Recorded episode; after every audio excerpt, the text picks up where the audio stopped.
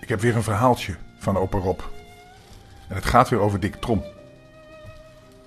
Dick Trom is een jongetje. Dat, dat woont in het dorp, hè?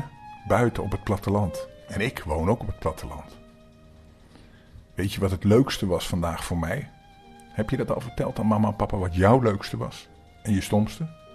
Nou, mijn leukste was vandaag dat Dees en Ted, twee van mijn kleinkinderen, twee jongetjes, die kwamen bij me op bezoek en hebben samen eieren gezocht.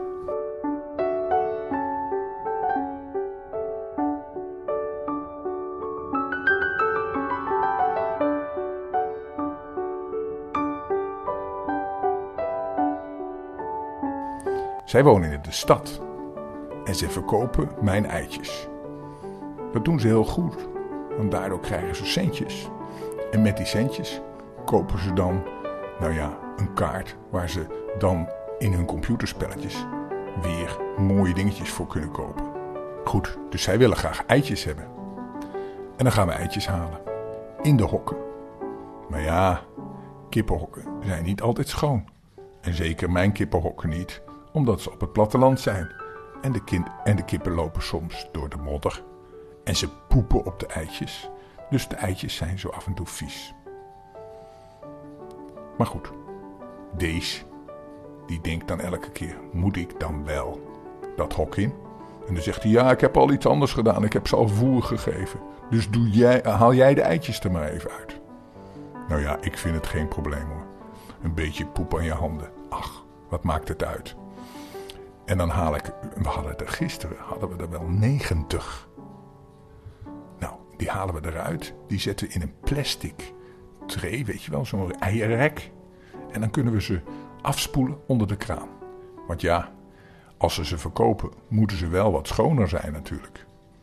En bij die eitjes moet je ook opletten, want dat zijn eitjes natuurlijk van vrijlopende kippen. En dan wil er ook wel eens eentje eh, vuil zijn, zoals ze dat noemen. Dat betekent dat hij dan niet lekker is. Dus je moet altijd de eitjes eerst in het water laten vallen. Of eh, eh, laten drijven. Want als ze gaan drijven, dan zijn ze niet goed meer. Dus dat doen ze ook nog. Maar goed, we gaan nu beginnen weer met een verhaaltje van Dick Trom. En dit verhaaltje heet De Eerzame Weduwe. Het was een geluk voor Dick dat niet iedereen zo'n hekel had aan de juf. Want dan zou hij zeker nooit iets geleerd hebben. En altijd een dikke domoor gebleven zijn. Maar er waren gelukkig ook mensen die van haar hielden. En het meest deed dat de gemeente ontvanger. Een lange, magere man. En hij hield zelfs zoveel van haar dat hij met haar wilde verloven en daarna met haar wilde trouwen. Dick was daar heel blij om. Niet omdat, ze, omdat er een groot feest kwam, maar omdat ze dan waarschijnlijk weg zou gaan en niet meer voor de klas zou staan. En dan was hij mooi van eraf. Dat had, de Dick, dat had de juf niet door, want als ze dat geweten had, dan had ze Dick niet zo'n leuke, gezellige jongen gevonden die zo blij was met het feest. De opvolgster van de juf was een klein dametje met een vrolijk, prettig gezicht. Alle kinderen trok dat aan. En wat Dick nog het meest beviel, is haar buitengewone dikte. Hiermee stal ze dadelijk zijn hart. Terwijl zij van haar kant zich ook erg aangetrokken voelde tot die dikke, trom. Zodra ze hem zag, ging ze naar hem toe en zei met haar heldere stem en vrolijke lach: Ah, daar hebben we een kleine lotgenoot. Wel, kleine dikkerd, hoe heet jij? Dick, juffrouw. Dick, zo, dat is een eigenaardige naam.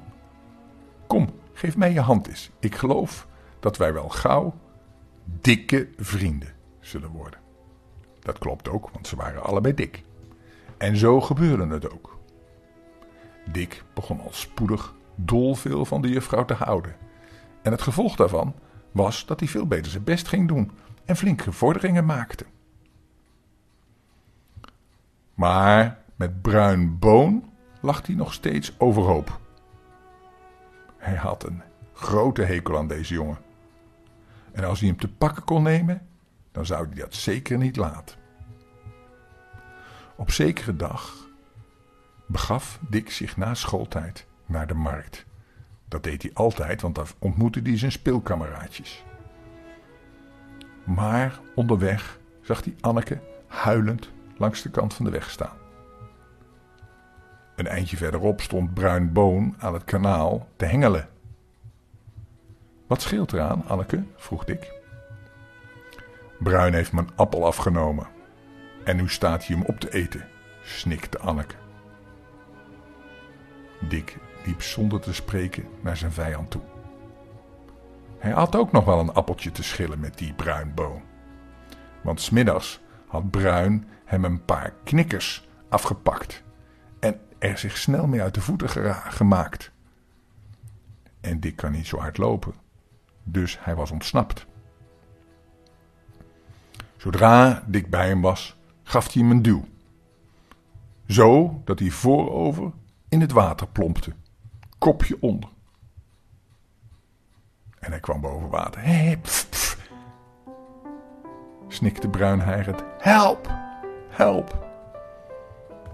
Schreeuw maar niet zo lelijk, bruine boon, zei Dick, die hem de hengelstok toestak.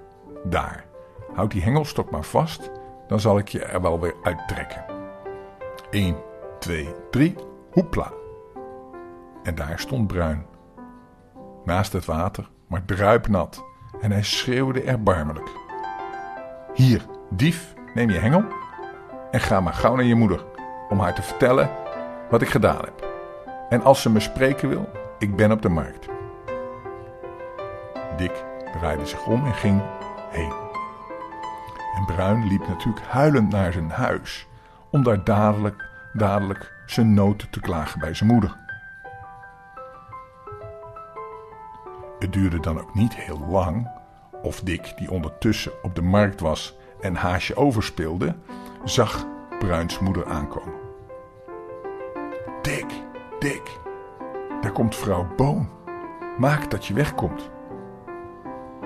Stilletjes laten komen, jongen. Jongens, ik ben er ook, zei Dick bedaard. En daar kwam vrouw Boon aan, zo groot, zo plomp als ze was. Ze zwaaide met haar armen en nam stappen als een dragonder.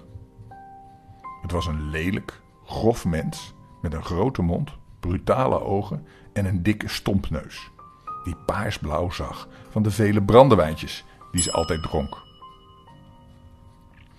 Ze was weduwe. Haar man was vijf jaar geleden gestorven.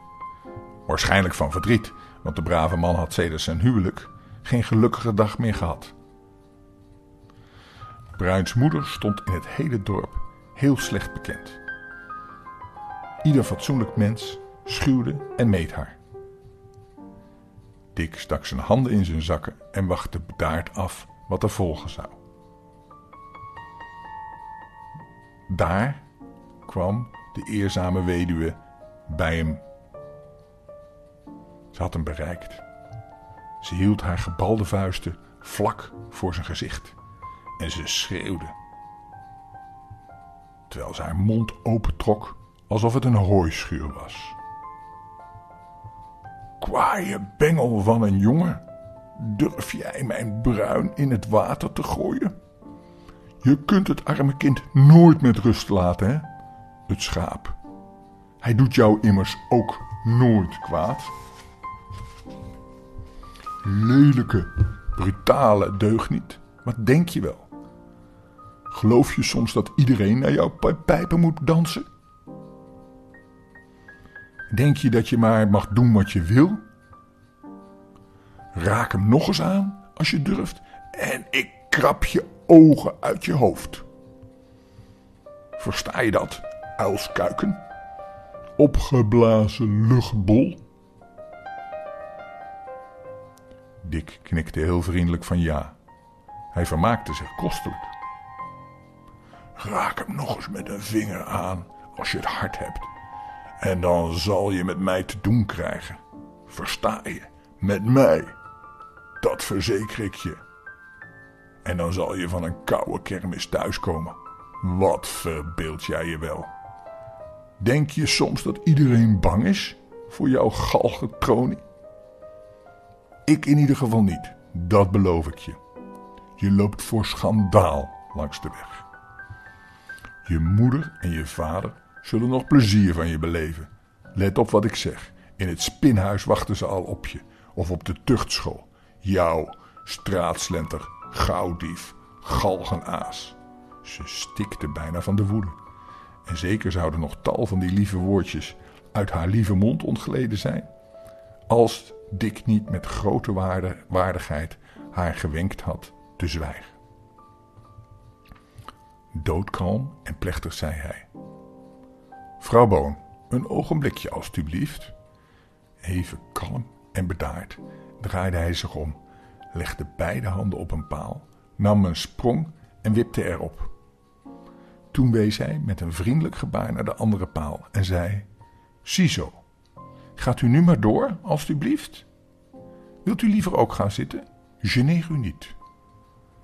Een algemeen gelach overtuigde vrouw Boon dat zij de enige was die Dick niet aardig vond.